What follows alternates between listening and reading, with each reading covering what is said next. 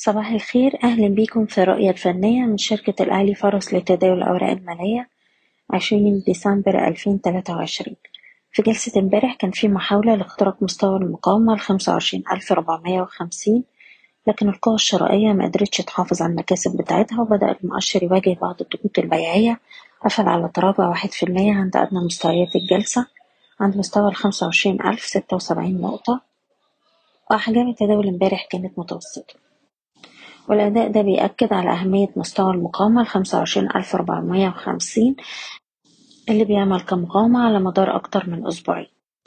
في نفس الوقت معظم الأسهم قفلت على تراجع وسهم البنك التجاري الدولي كان أداؤه ضعيف في جلسة امبارح.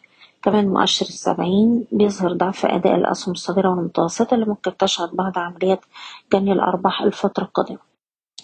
وبالتالي بنستمر بالنصيحة على الأجل القصير بتخفيض مراكز الشراء بالهامش ورفع مستوى حماية الأرباح لأقرب دعم عند ألف وسبعمية نقطة.